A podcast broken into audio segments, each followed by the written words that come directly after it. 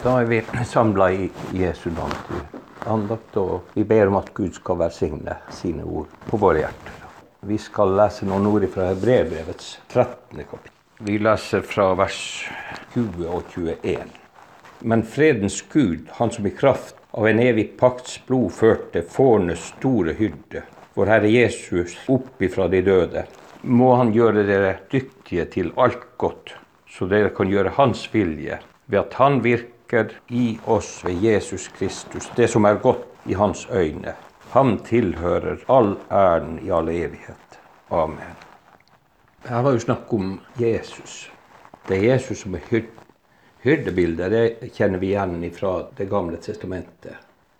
Det var jo sånn det at Israel langt på vei var et sånn folk som hadde får eller sauer og store skokker. Og det var mye rovdyr. Det var stor fare for at rovdyrene skulle angripe fårene og rive dem i hjel. Og så mister man både inntekter og mat. Og det er jo noe som er kjent også fra, fra reindrift og ja, i det hele tatt fra dyrehold, der dyrene er ute. Det er egentlig et godt bilde. For det forteller det at sånn som Jesus også sammenligner oss som kristne, hans barn med hjelpeløse får eller sauer, som er utsatt for alle farene, som egentlig ikke har noen forutsetninger for å kunne forsvare seg når faren truer. Og det andre bildet som vi ser her, det er at Jesus han er hyrde. Dvs. Si, han er ute og vokter sine får. Han har ansvar for dem. Normalt er det jo sånn at nødvendigvis er det ikke sånn at den som blir er hyrde, eier foran, for at han kan jo gjerne være innleid til det. Men når det gjelder Jesus, så sier jo Jesus det sånn at alle de som Faderen gir han, de kommer til han. Sånn at vi som er Guds barn, vi hører jo Jesus til.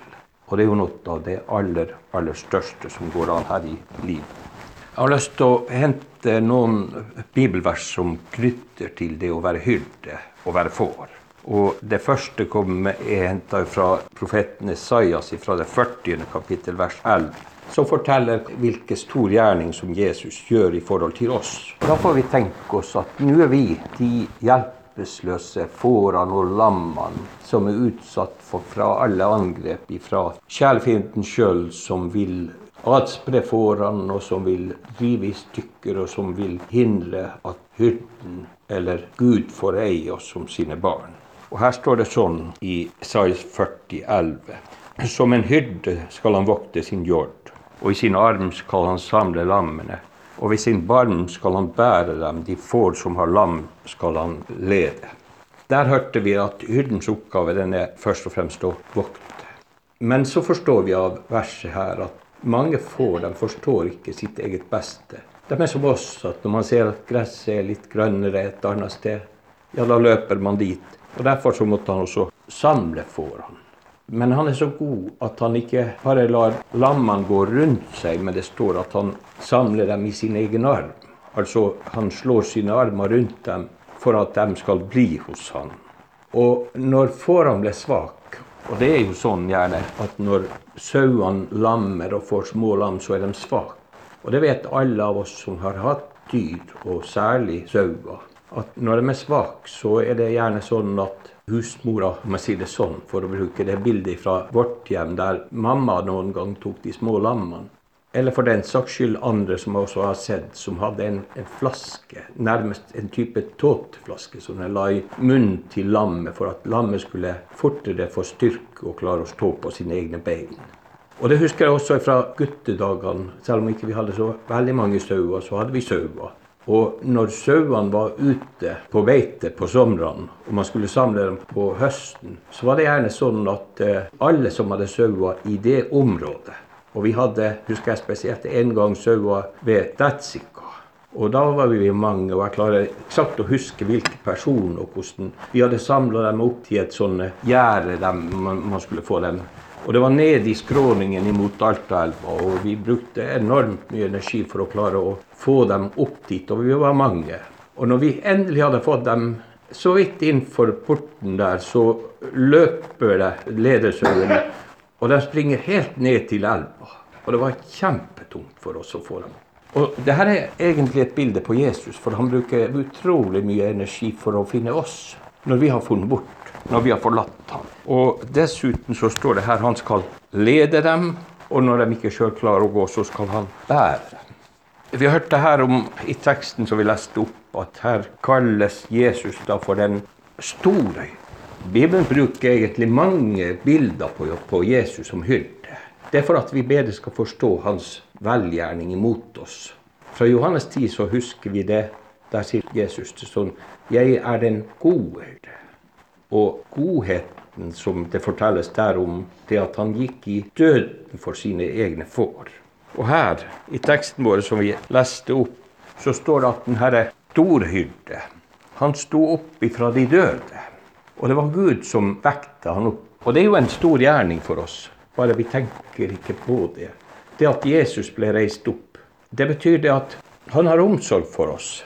For det første, når vi er små, så vil han ta oss i sin favn og si 'Kom til meg, alle'. Uansett om vi strever eller om det er store byrder, så vil han at vi skal komme til ham. For der er det best å være. Og så vil han lede oss, så vil han følge oss, og så vil han vokte oss gjennom hele livet. Og når livet er i ferd med å gå imot slutt, så leste vi her at den store hyrden, han vekte Gud opp ifra de døde. Og da satte han seg ved Faderens høyre hånd. Og det husker vi det at der Jesus sitter ved Faderens høyre hånd nå, så er han vår skylde fortsatt. Derfor at han ber for oss natt og dag. Han har omsorg for oss. Han vil at ingen av oss skal bli etter på veien, men at vi skal bli bevart inntil enden. Og så har jeg lyst til å sitere til et siste bibelvers i forhold til nettopp det her. Det er når Jesus kommer igjen. Og han kommer igjen. Han kommer kanskje snart igjen. Og i alle fall inspirerer Bibelen oss til at vi skal leve videre som en kristen med det for øye at overhyrden skal komme igjen. Da kaller Peter han for overhyrde. Og det skjønner vi. Han er hyrden over alle hyrden. Den beste av alle hyrden.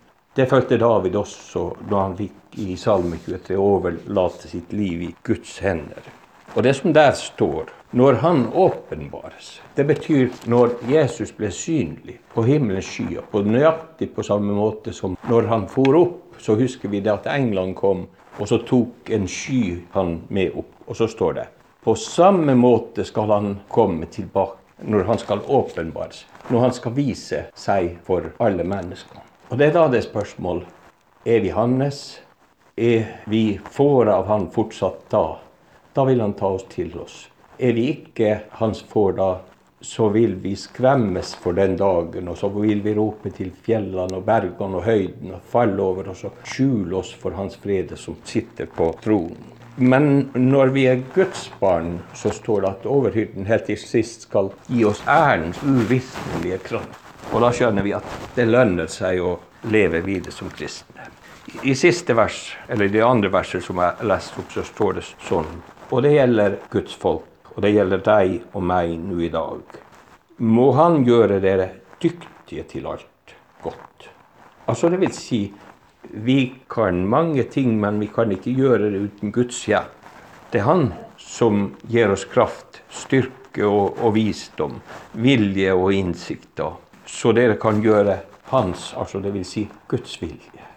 Det er jo det å leve som et Guds barn, det er å ikke gjøre sin egen vilje, men å gjøre Guds vilje, sånn som Jesus hele livet gjorde Guds vilje. Han som virker i oss ved Jesus Kristus. Og han virker det som er godt, står det her. Og det som er godt i Guds øyne. Og Paulus avslutter her, eller egentlig sa jeg feil. Det er ingenting som tilsier, i alle fall ikke med sikkerhet, at Paulus som har skrevet hebreerbrevet. For det kan like godt være Barnabas, det kan være andre som har skrevet det. Det vet ingen med helt sikkerhet. Men i alle fall så står det helt til sist Ham tilhører all ære i evigheten. Gud i at vårt liv også skulle være til Guds ære. Sånn at Gud skal få all ære for alt vi gjør. Ifra vi blir kalt til hans barn gjennom hele livet, også gjennom det arbeidet som er her. At Gud skulle få ære, og vi skal få oppmuntring og trøst og styrke. Han vil vi også nå takke i Jesu navn.